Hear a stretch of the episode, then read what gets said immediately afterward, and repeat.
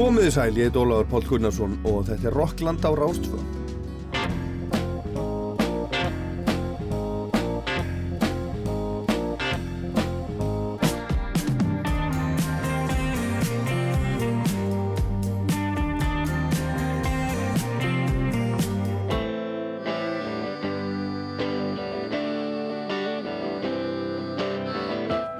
Í Rocklandi dagsins ætla ég að fara hingað og þangað. Við heyrum í Rihannu á Super Bowl síðasta sunnudag. Hún skemmti heiminum þar fljúandum loftin blá. Við heyrum aðeins í Ívari Bjarklind og tvö lög af vantanlegri tilbúinni plötu frá honum. Heyrum viðtal sem að ég tók við Árníu Margreti á Eurosonic Festival í Hollandi um daginn og heyrum svo live upptökur, splunkunýja live upptökur sem hafa voru gerðar í hljóðurita í Hafnarfyrði með ára nýju, núna í januar. Rifum upp brot úr 20 ára gamlu viðtali við Björk, en núna á fymtudaginn hóst miðasala á tónleika eða síningu Bjarkar sem að verður í lögatarsvöld í sömar, þrísvar, þrjú kvöld. En byrjum á að hlusta aðeins á plötuna sem breska tónlistatímariti Mojo valdi plötu ársins núna um áramótin. Hún heiti Dear Scott og var valin fram yfir allar aðra plötur sem að koma út í heiminum í fyrra.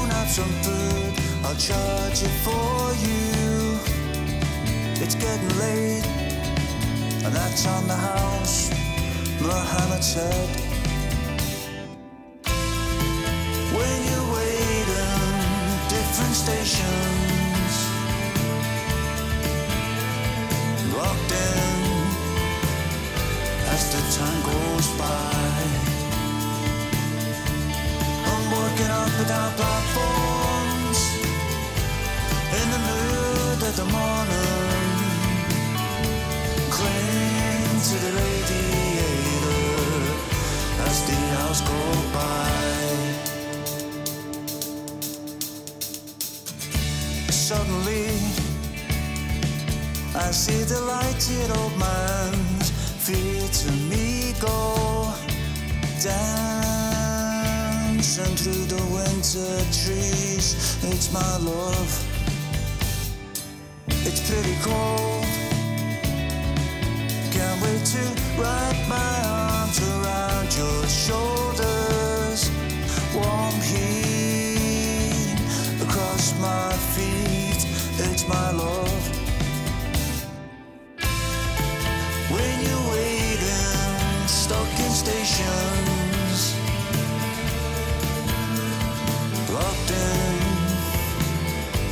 As the hours by.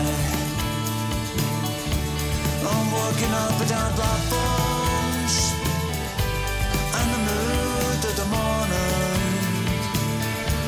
The As the hours go by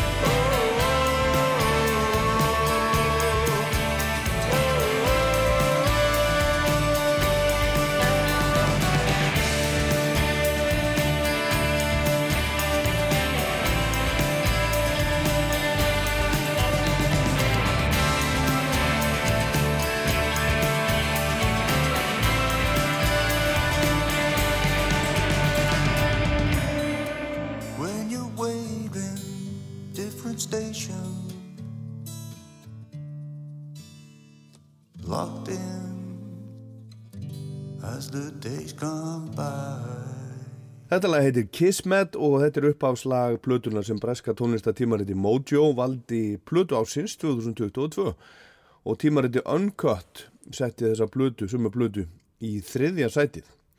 Platan heitir Dear Scott og tónlistamæðurinn heitir Michael Head, Michael Head and the Red Elastic Band. Michael Head er 61 árs, hann er frá Liverpool, hæfileikaríkur og flottur músikant en hefur aldrei átt svo mikill velgengni að fagnar alltaf fengi frábæra dóma og, og, svo leiðis en lífið hefur verið eh, dálið til þrautaganga.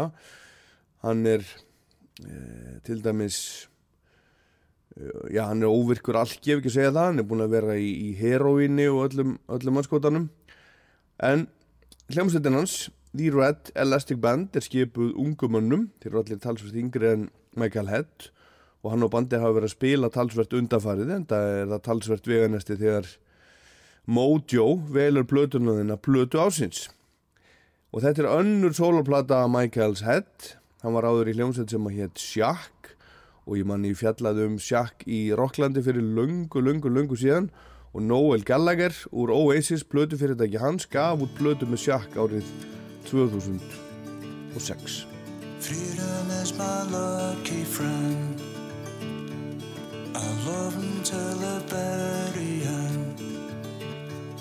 The choices that are made in life by us sometimes. Your life depends on watching as the plane goes by. To all the places that we said we'd go to. What we'd seen in doctors' waiting rooms on train stations your magazines. And I really couldn't tell the difference now Between our whites and Lucasade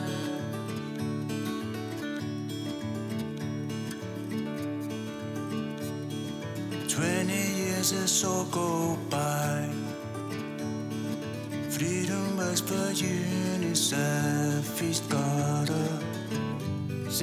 Situation in a town, and I knew we'd meet again. We're watching as the day goes by. Freedom says he's ever so proud of me, my clinic, what I'm trying to do. I knew we'd speak again,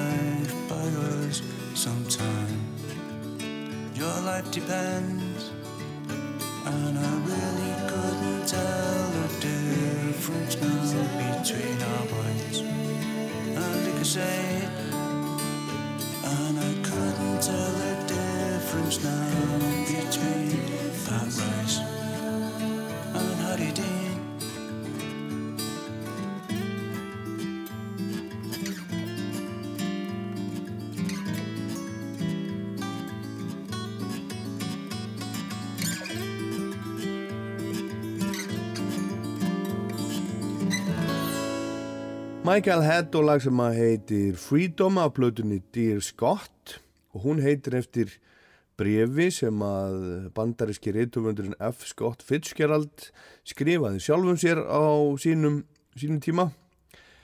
þegar Lukkan var ekki með honum og Lukkan hefur ekki alltaf verið með Michael Head hann hefur marga fjöruna svopið en er svona einhvers konar kvaltedja í Liverpool og Englandi og þegar Michael Head var ungumadur upp úr 1980, réttur umlega 20 var hann í hljómsveit sem að hétt Pale Fountains kannski einhverju sem að kannast við það. En hann er alltaf verið döglegur að segja frá því að hans helstu áhrifavaldar í músikinni eru Burt Bacharach og bandarísku hljómsveitinnar Love og Birds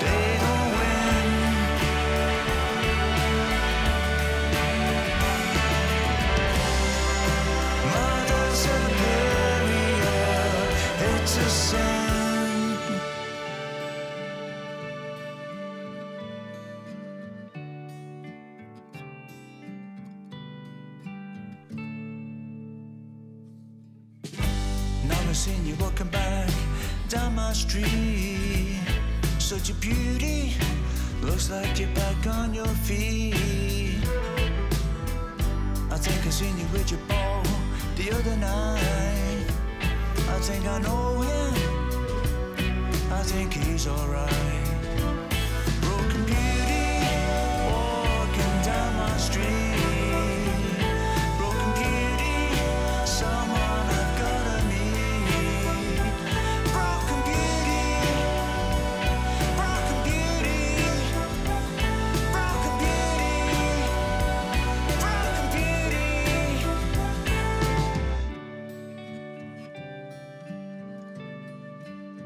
Broken Beauty heitir þetta.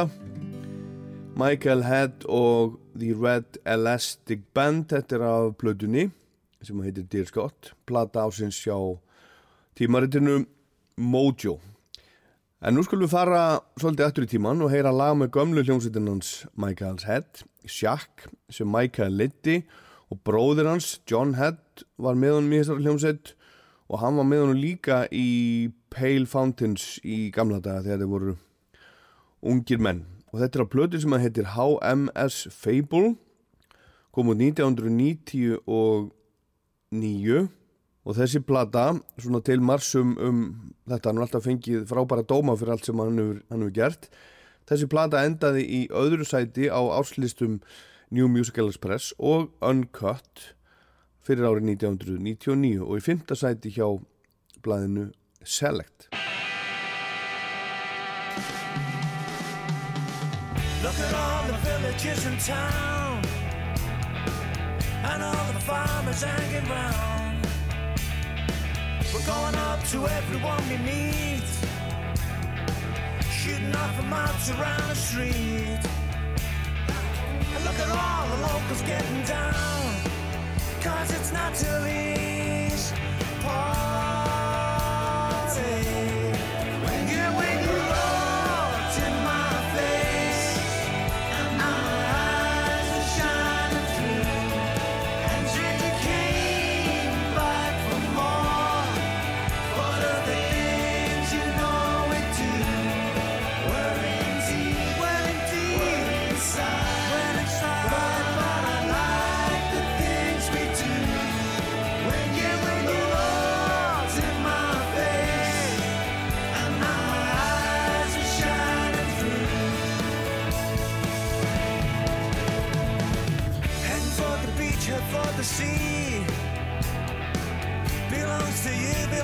Me. And in out until the sun will shine. Putting out the fires, bring out the wine. And look at all the locals getting down. Cause it's not to least party.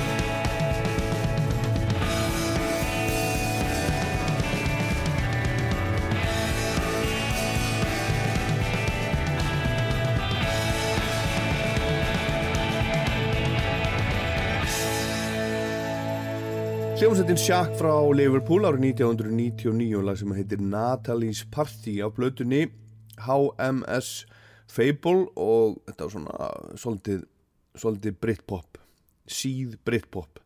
Og hann var leiðtóið þessar hljómsveitar hann Michael Head og hans hægri hönd á nýju blötunan sem er plata ásins hjá Mojo Dear Scott en ákveð sem heitir Bill Ryder Jones og hann er einn af þeim sem stopnuði hljómsveitina The Coral á sínum tíma. Hún er frá, frá Liverpool eða þarna eh, einhverjum smá bæfruta Liverpool sem heitir Hoylake.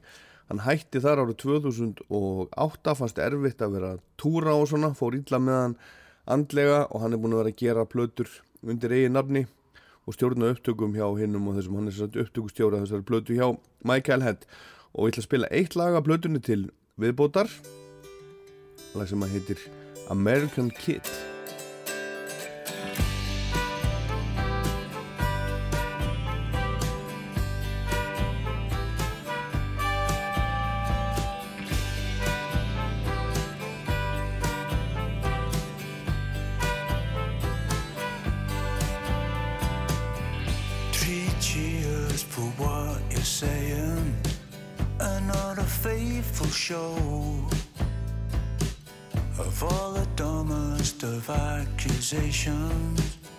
Three cheers, you know. Three cheers for all your stories. Talk like an American. Think it on West Side Story. Go from Elvis to Tarantino. Across your bedroom walls. And you said you loved me like a bowl of wine. You sort of blew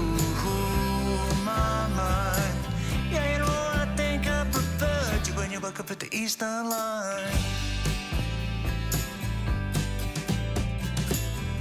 John Garfield and Ada Lupino, your favorite movie stars. Your fascination with Hollywood ego at the magic quorum part. And you were born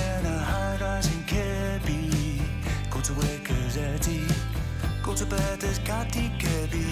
Then you hit me in this flaky De Niro. You're heading for the stars. But then you said you loved me like a bowl of wine. You sort of blew my mind. Yeah, you know, I think I preferred you when you wake up at the Eastern Line. Try and tell me as we're trying to cross the road that the people you've been seeing just wanna let go that heavy load. So maybe listen to what they're saying. Possibly glad you found you did. But with your two big family and your cheek, sure.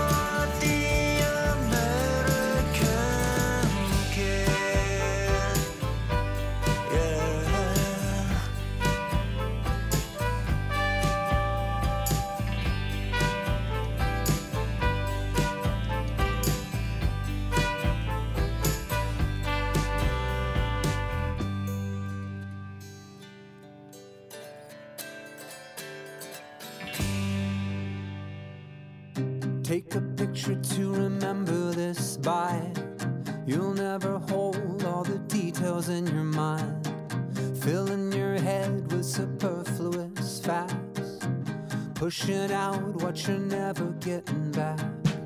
Cause all we've got is a version of the truth. The recollection that is often misconstrued. Sergeant Pepper with the faces of friends.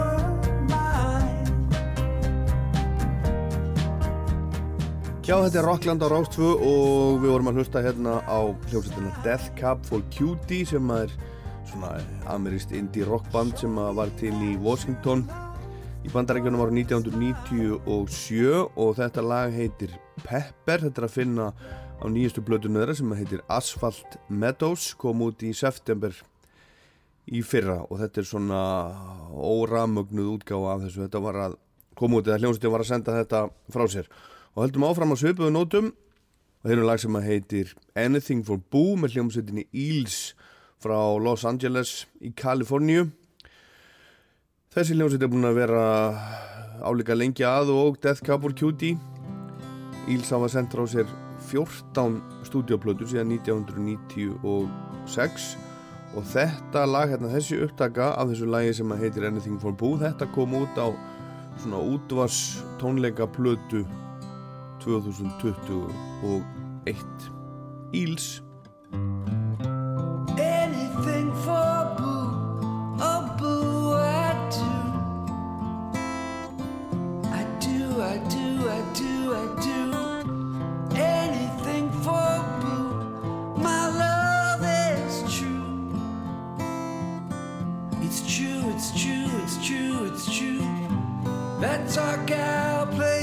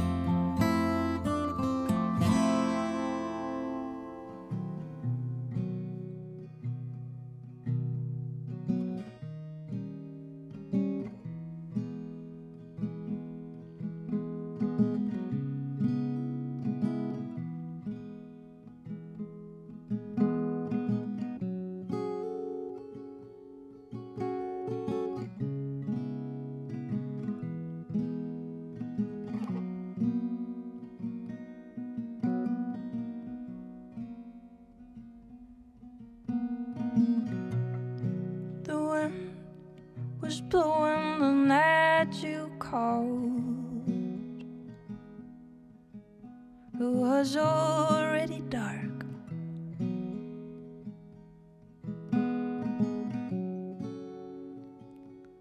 Wish it was a dream.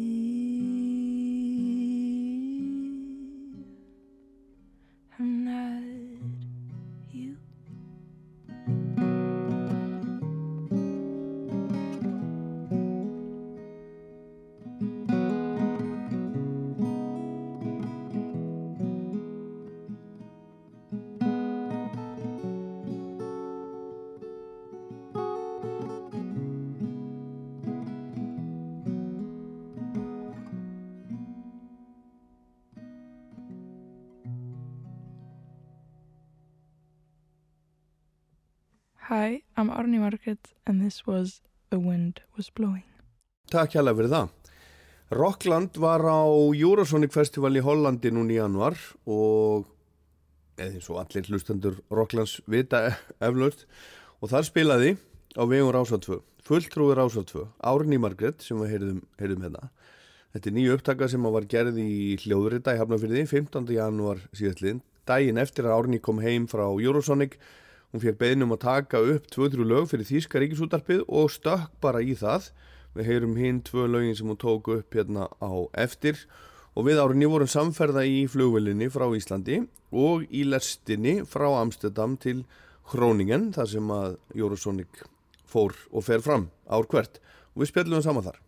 Hvað er, að- er að hérna, frétta af þí, þínu máluna? Þú ert, þú ert að spila á Eurosonic Aha, og, og hvað ert að, ert að spila bara einu sinni eða ég spila tvisvar í dag, miðgudag, tvisvar í dag? já. Og svo... Hvar þá? E eða er- þú veist, í hverju?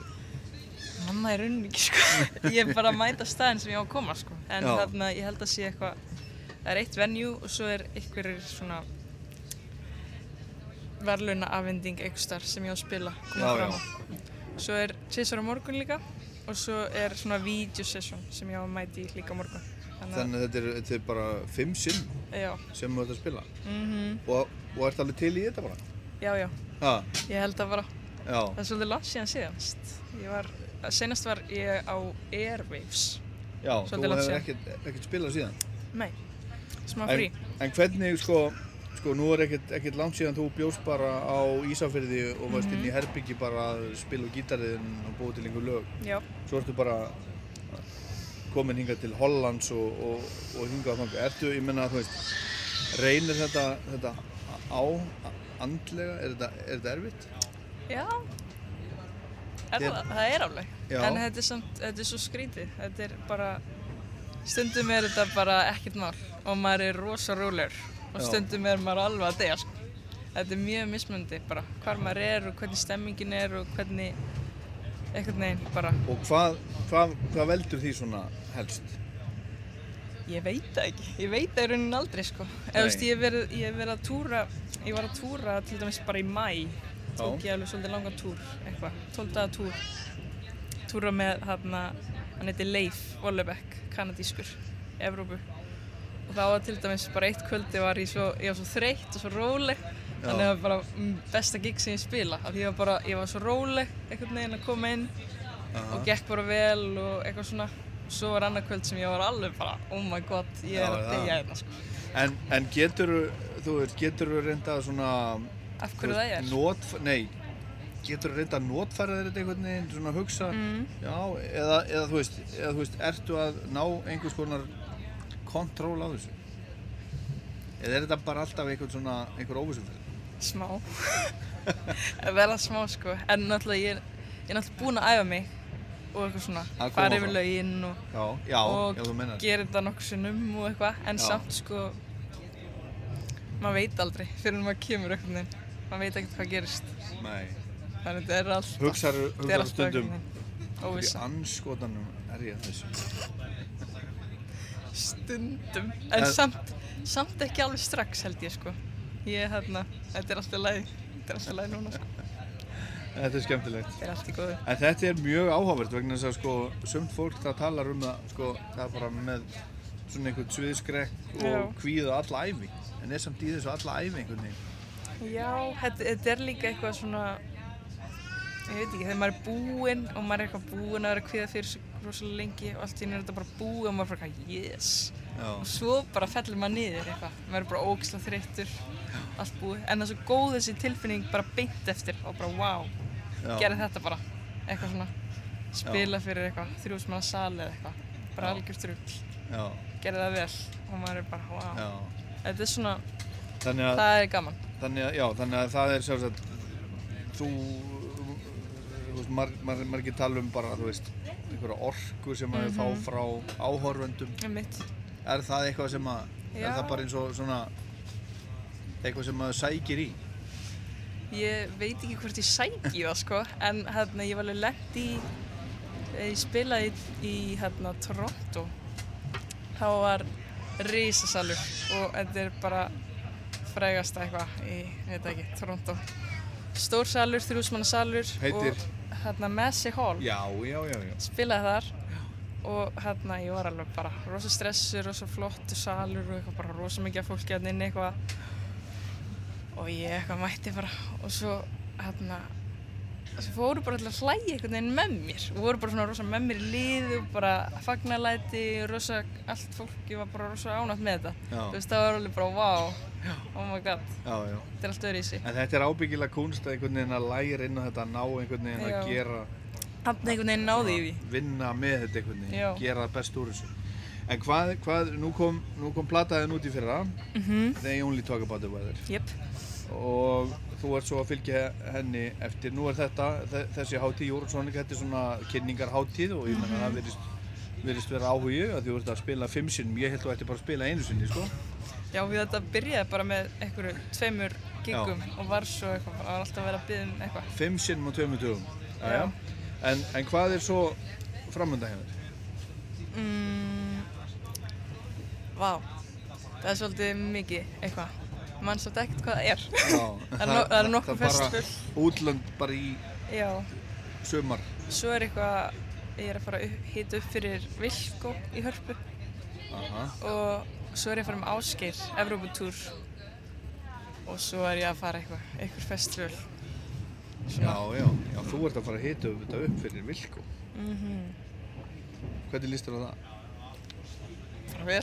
Ha. Ég veit ekkert um það sko? Kitty fílar þá. Hefur hefur ekkert hlust á það? Ekki, nei, ég raunin ekki sko. Þetta er, er hljómsveitin sem ég hlustaði mest á Spotify fyrir allir. Mhm.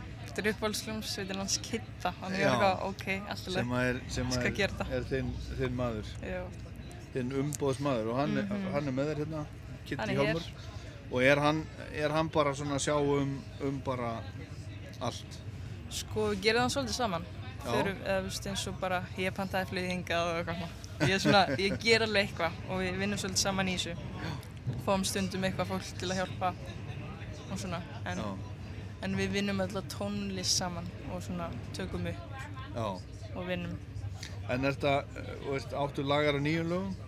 Óútgefnum? Já, já, svolítið mikið af því.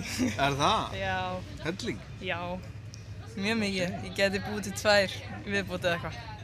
Já, já, það er nú gott. Þannig ég er eiginlega bara að býða. Við erum bara að fara að gera eitthvað. en ert alltaf að, að gera nýlög? Já, ég reyna að gera það. Það er ekki gott að eiga lagar. Það er bara svona Það er samt- það er samt gamla gott að búr, hafa- Búrpælingin, eiga nóg til. Það er gott að eiga nóg. Þannig að það sé tilbúið sko í næst. Þannig að maður getur byrjað að hugsa næsta einhvern veginn. Er stæðilega betra. En, en, lögin sem, sem þú ert að gera núna, er það, er það veist, svipað og þú hefur gert eða er einhver breyting? Já, það er svona að svipa og samt ekki. Veit það ekki. Ef, þetta er einhvern veginn bara eitthvað. Ég er bara að gera eitthvað. Gangið er vel. Takk fyrir. Takk fyrir spjallið. Takk sem við leiðis. Next song is The World is Between Us.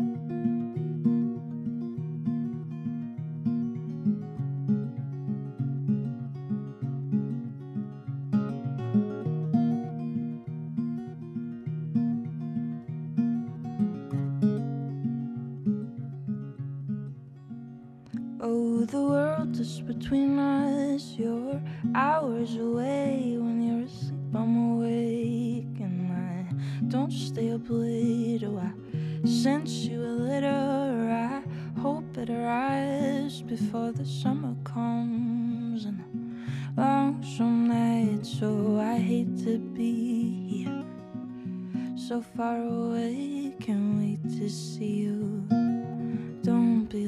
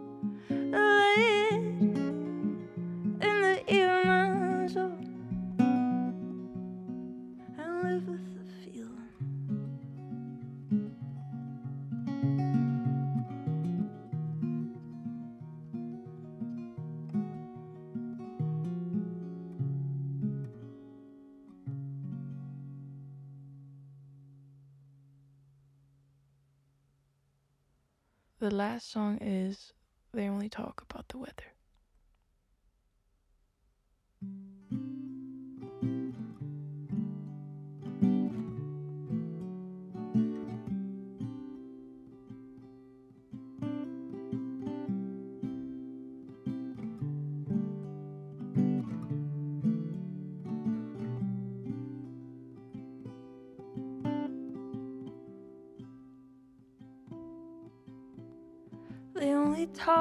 About the weather. It closes me in.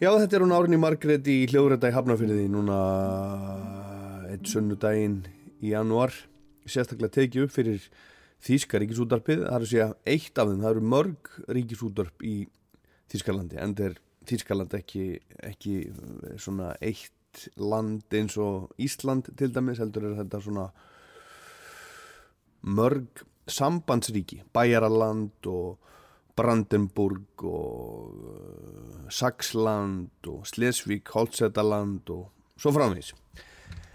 Nóg um það. ætlum að heyra næst nýtt lag frá Peter Gabriel. Hann var að senda frá sér lag núna uh, fyrir hálfu mánuði sem heitir The Court og þetta er að finna á, verður að finna á plötu sem að er að koma út með Gabriel sem að kemur út einhvern tíman á þessu ári, heitir E skástrík O, in, out, input, output. Fyrstu fjóra sólblötunar að sétu bara Peter Gabriel.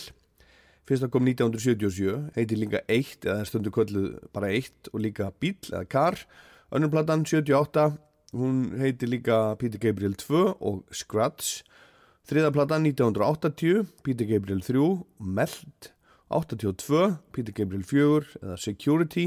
Svo kom platan So, tímamóta platan So 1986.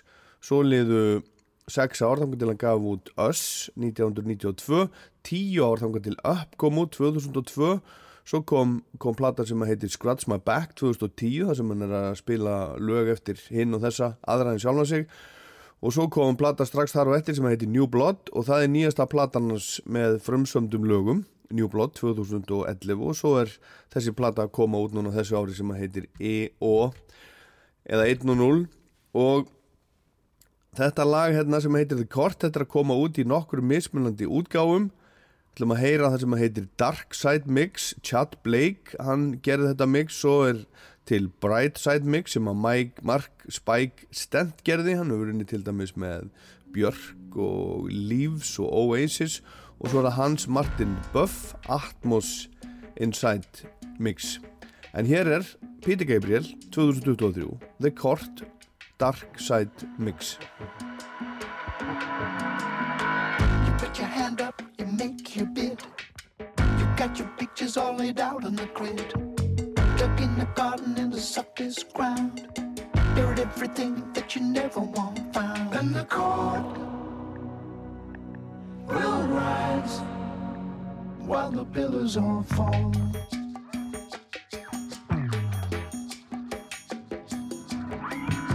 We got the healer and the birthday cake. We got the real and we got the fake. We got the ladder, look, there is the snake. How my body begins to wake. And the cord will rise while the pillars all fall.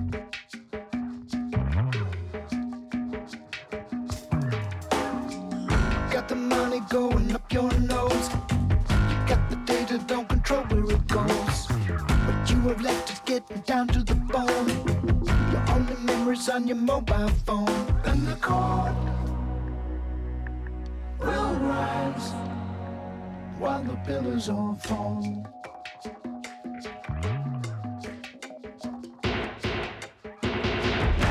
Out of this sentence, the ball and the claw.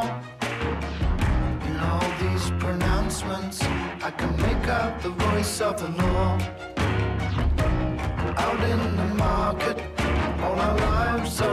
And the balls are drifting further apart.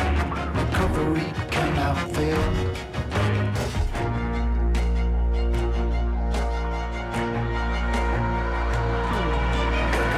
CDs and they're all in place. Got the big shot barrels to plead my case. Got my baby throwing up on a of milk. The black cat judge reaches for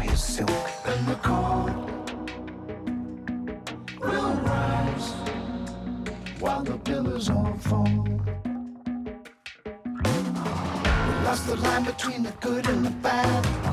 We lost the line between the sane and the mad. Still draw the line across the writing pad. The line of conscience that we never have had. And the court will rise while the pillars all fall.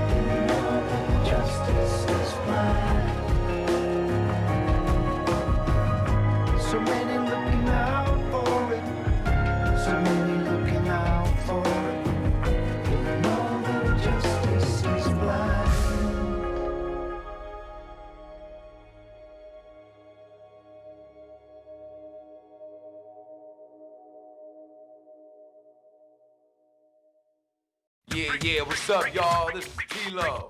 Yeah, this is Tommy from Methods of Mayhem in Iceland with Rockland. Knowing this shit, understand. Turn it up.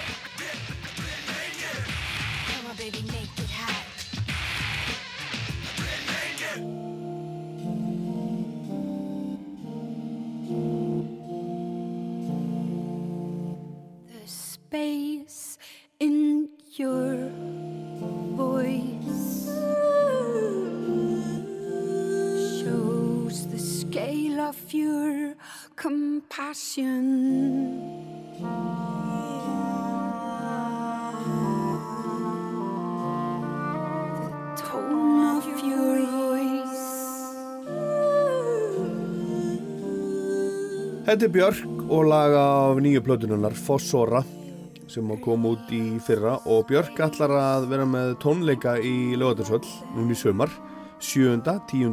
og 13. júni þrjú kvöld í röð ekki samt dag eftir dag heldur tekur þetta alveg næstu í heila viku og í fréttatilkynningu segir að lögatarsvöll verði gjör breytt og gestum verði bóðið í stórfenglegt landslag sem samastendur á gróskumiklum litum, framtíðarkendum síndarveruleika og draumakendri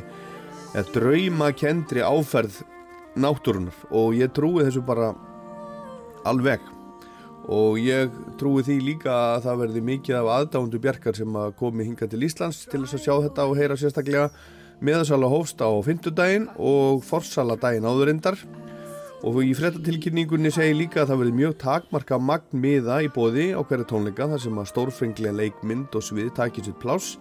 Hér erum að ræða stærstu síningu bjarkar til þess að segir í frettatilkynningunni líka. Hún kallar þetta síningu ekki tónleika. Og ég skil það bara líka vel. Síningin er tvær klukkustundir á hefðbundu sviði.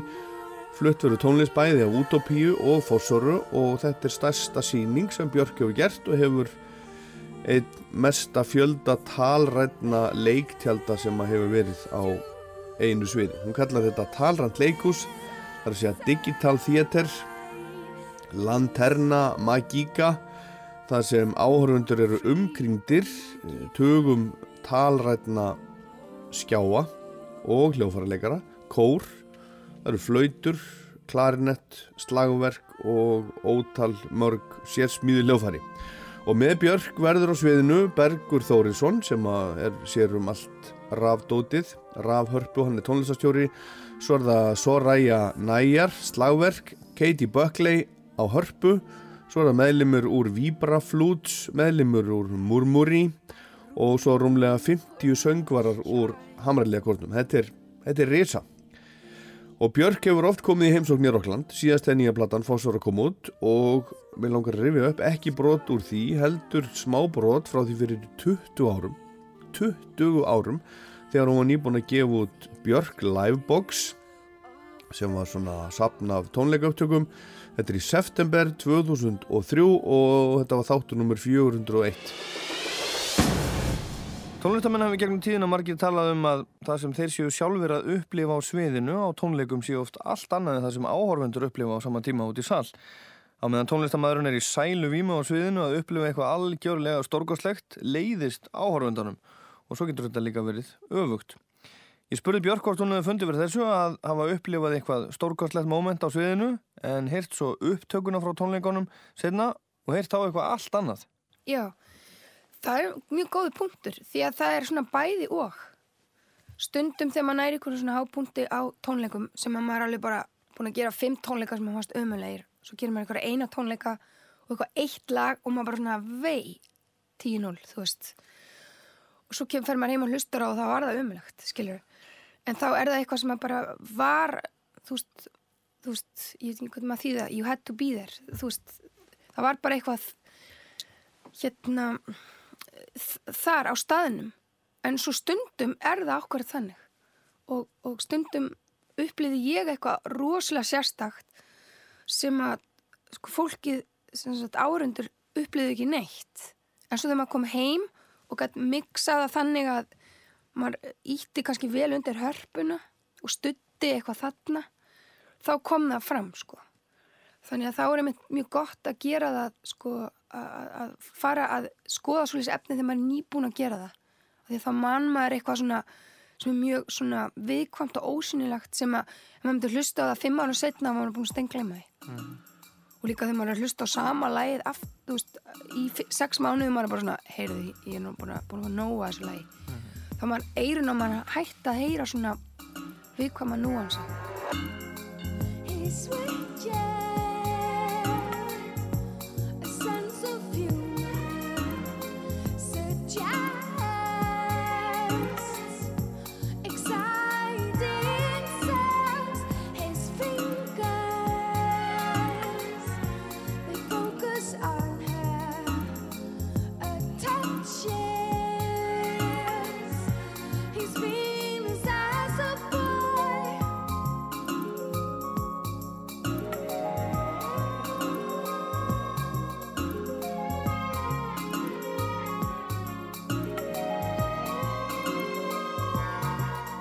Þetta sem erum hérna tekið af plötunni Debut sem kom út fyrir áratuglægið Venus as a Boy sem hljómar allt öðruvísi á Debut Live. Já, mér, ég reyndi ofta að gera þessa útgáfi eins og plötunni á, tón, á tónleikum. Mér fannst það einhvern veginn þetta var eina lagið sem að virkaði ekki og ég slefti því alveg bara svona markvist af öllum, öllum túrunum mínum, eða flestum. Og það var ekki fyrir en að ég gerði útgáfi með með Guy Sigsworth þar sem hann spilaði á hapsikort og ég söng. Og hún var svona miklu meira svona lyrikal, eða svona ljóðræn, svona formlaus. Þegar ég na, þegar mér fannst það svona skila sér. Og kannski að þetta lag var alltaf svolítið svona mikið lítið sætt, svona erotist ljóð. Frekar en akkurat svona lag, lag. Og, og hérna er útkoman. His witches, sense of humor suggests exciting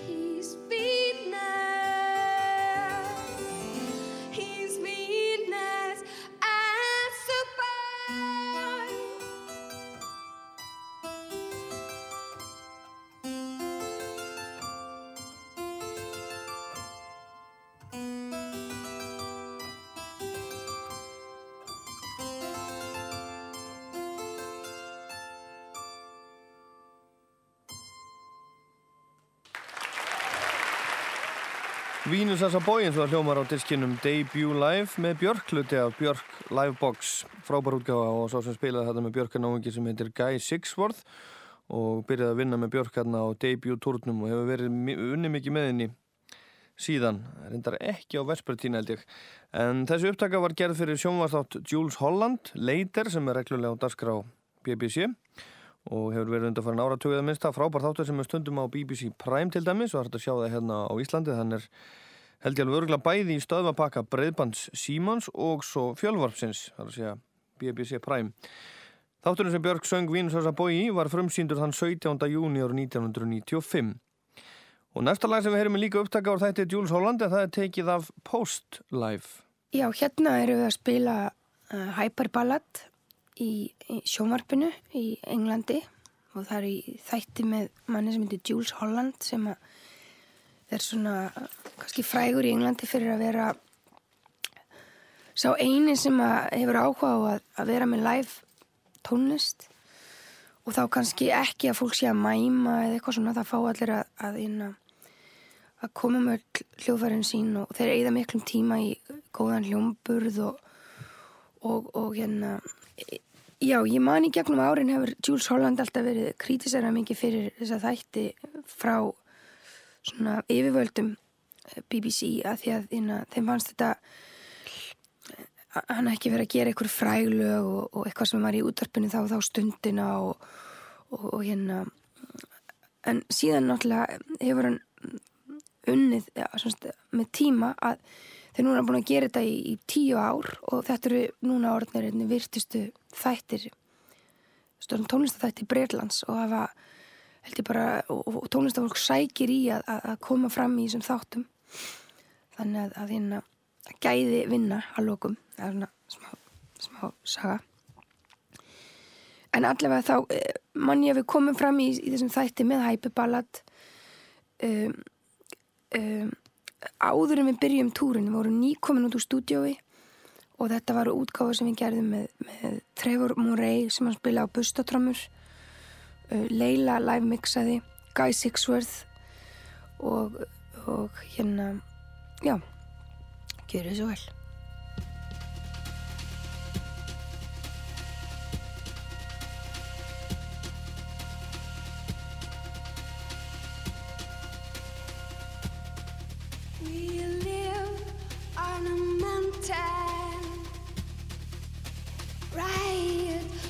the top. This beautiful view from the top of mountain. Every morning I walk towards the edge and throw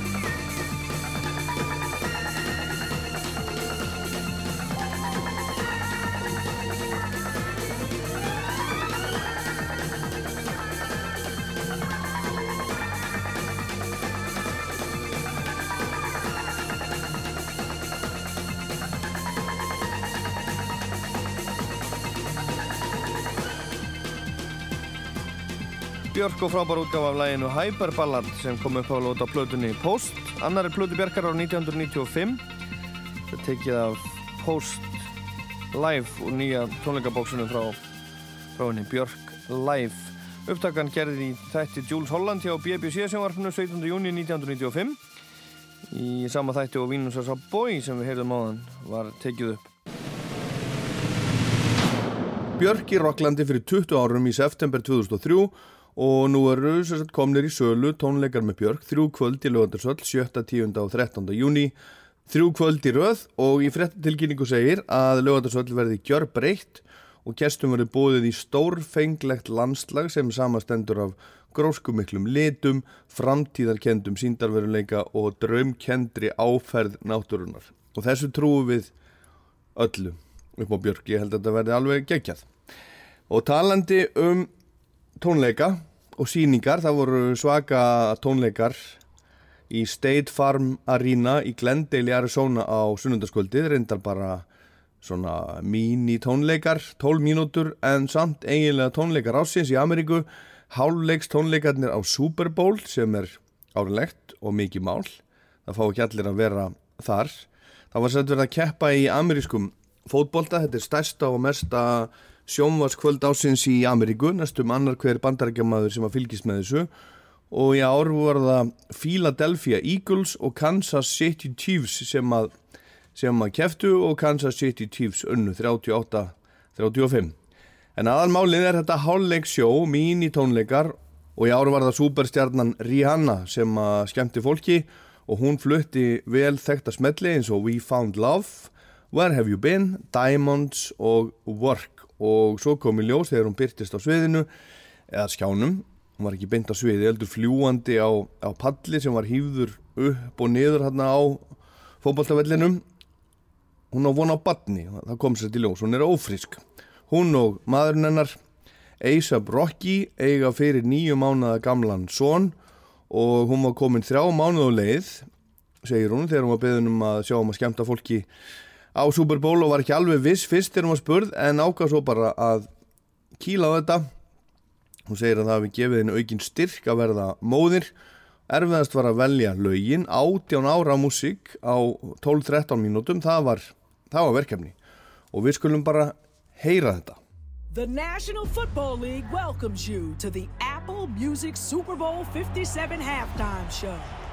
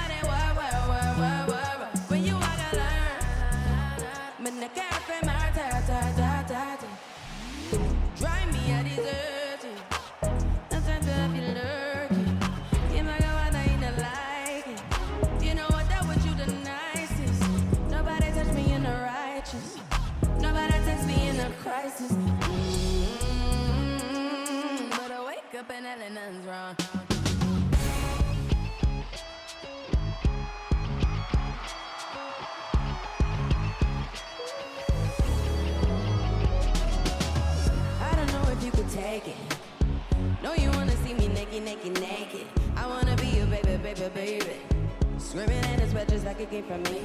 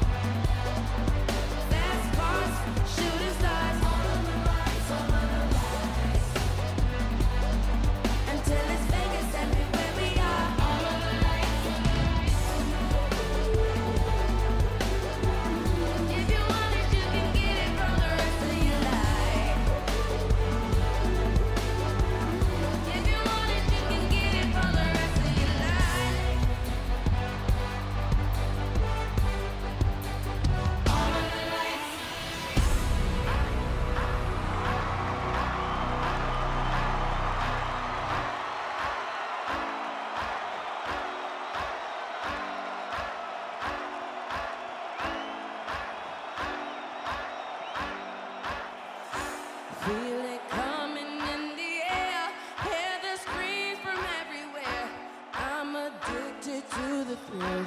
It's a dangerous love affair. Can't be scared when it goes down. Got a problem, tell me now.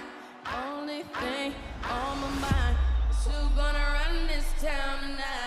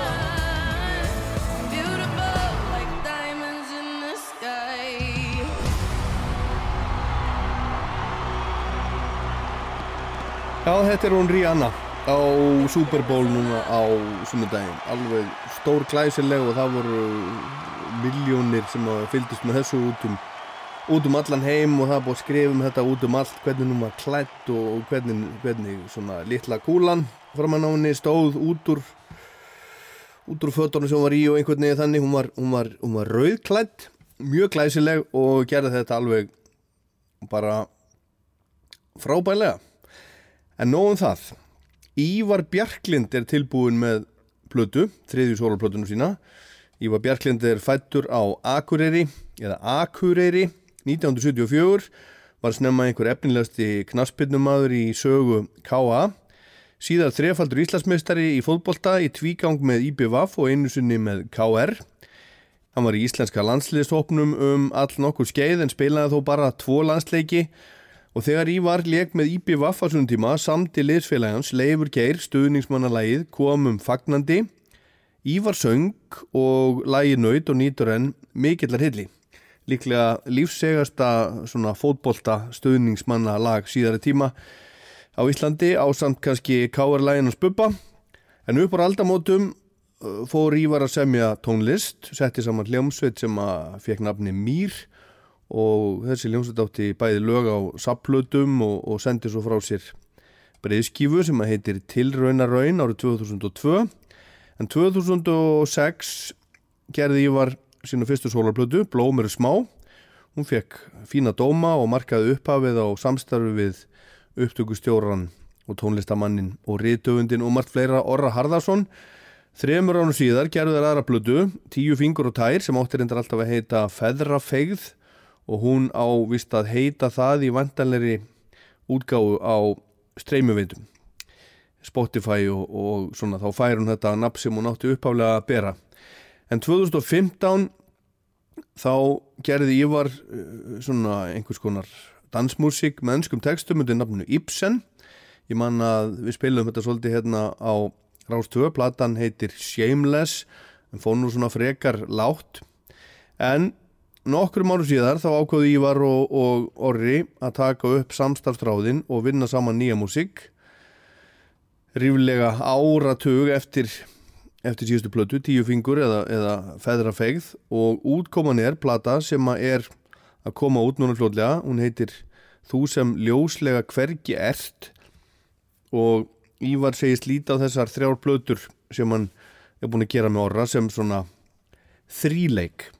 Skulum heyra eitt lag og svo annað og Ívar segir okkur líka aðeins frá sjálfur. Ég eldist við þig Af velgömlum vana Vitandi það Að ekkert kemur út úr því að lokum Þú hugsar um sem ég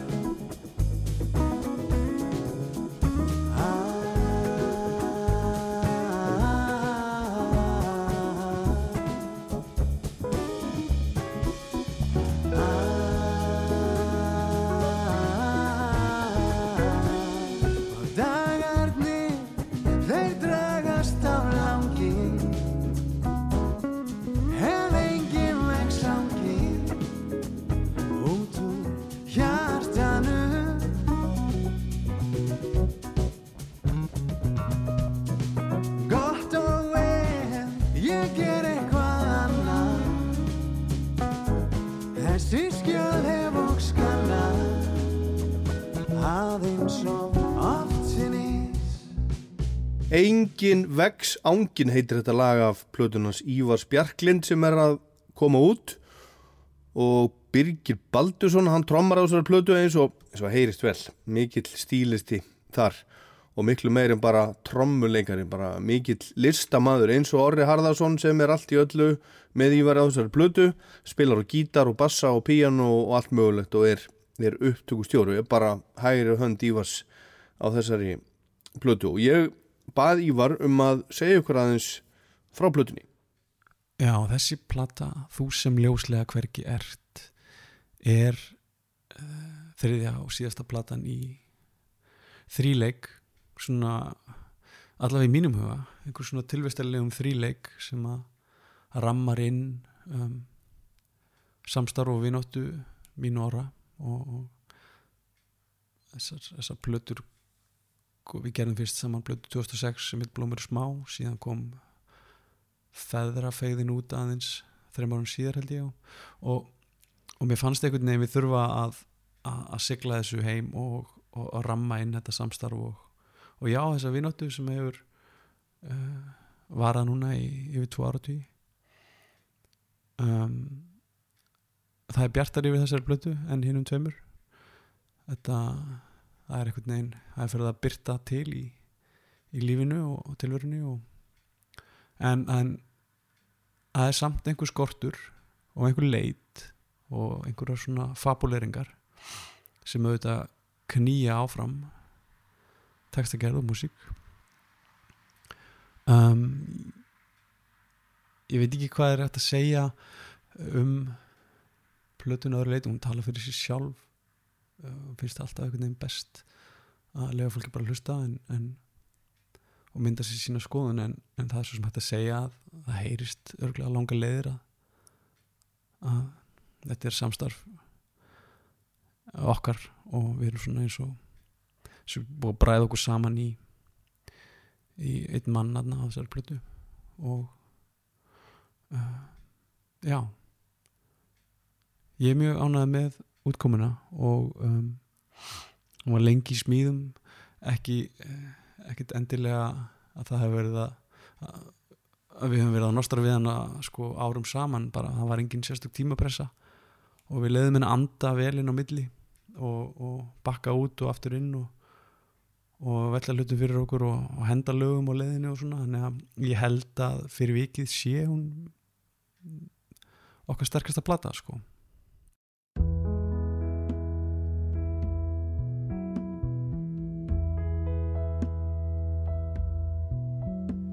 Ég tefst eitthvað smá. Við tegnun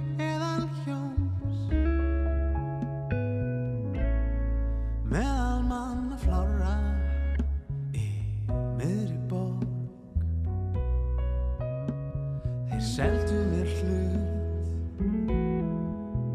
Í samnefnaranum. Langsamlega lægsta Á ég losna ekki út. Ég sé teikni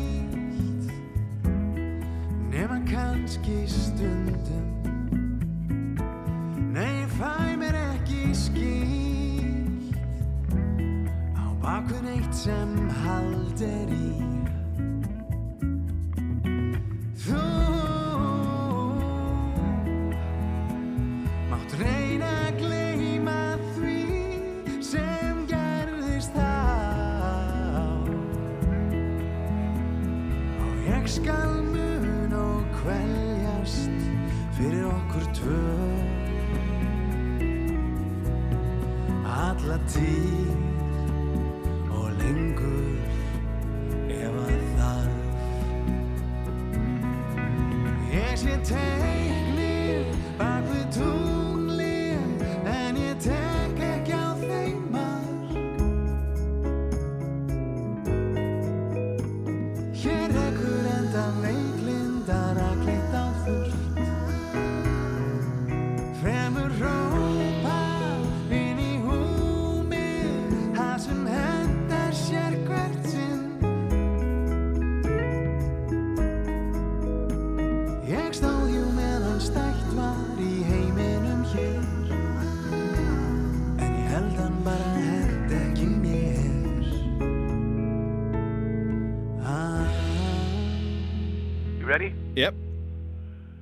everybody. This is Tom Jones on Rouse to a Rockland.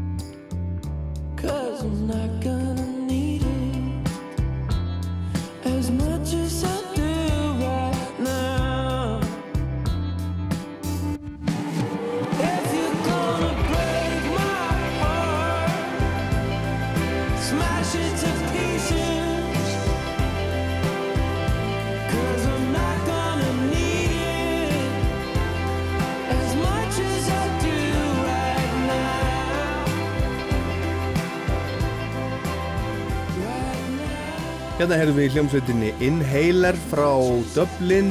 If You're Gonna Break My Heart heitir þetta lag og er að finna á blödu sem að heitir Cuts and Bruises og kom út núna á fyrstu daginn síðan þetta heitir önnur plata þessar hljómsveitar. Inhaler fyrsta plata þarna heitir It Won't Always Be Like This kom úr 2021 og fór á toppin á bremska vinsæðalistanum til dæmis. Ég sá þessa hljómsveit spila á Eurosonic Festival líklega 2020 eða 2019 eða 2020 mann það ekki alveg. En það sem að er kannski svona gefur þessum strákum, ungu strákum þetta eru fjóri strákar frá Dublin sem að gefur þeim smá forskot er að söngvarinn hann er sonur Bono í U2 Elijah Hewson. En maður kemst nú svo sem ekkert endalust áfram á því að vera sonur pappa síns og mér finnst þetta bara nokkuð gott þannig ég held að þetta sé nú frekar, frekar það heldur en að hann sé sonur Bono. Það er kannski eitthvað sem að, sem að kveikir einhvern áhuga en svo þurfa menn alveg að standa undir sínu ef það er alltaf einhverja, einhverja framtíð. Og ég ætla að enda, það komið að síðasta lægi þáttarins, það heitir Disco Punk og það er að finna á nýri blödu frá Danny Goffey sem er trommuleikari í hljómsveitarinnar Supergrass þetta er plata sem er að koma út kemur úr 24. februar heitir Brian Moons Disco Punk. Og þá er ekki meira að segja heldur en bara takk og bless í minni á Rockland á netinu alltaf í rúfspilaránum og á rúf.is ég geti hlustað á þennan þátt og svo marga marga aðra úr dagskarvar ás og tvö þegar ykkur hendar og svo minn ég líka á Rockland mælir með lagalistan sem að ég uppfæri mánæðilega á Spotify og gerði bara núna í, í síðustu viku. Það er komin svona februar listin en þetta var Rockland, ég heit Ólaður Pál Gunnarsson takk fyrir að hlusta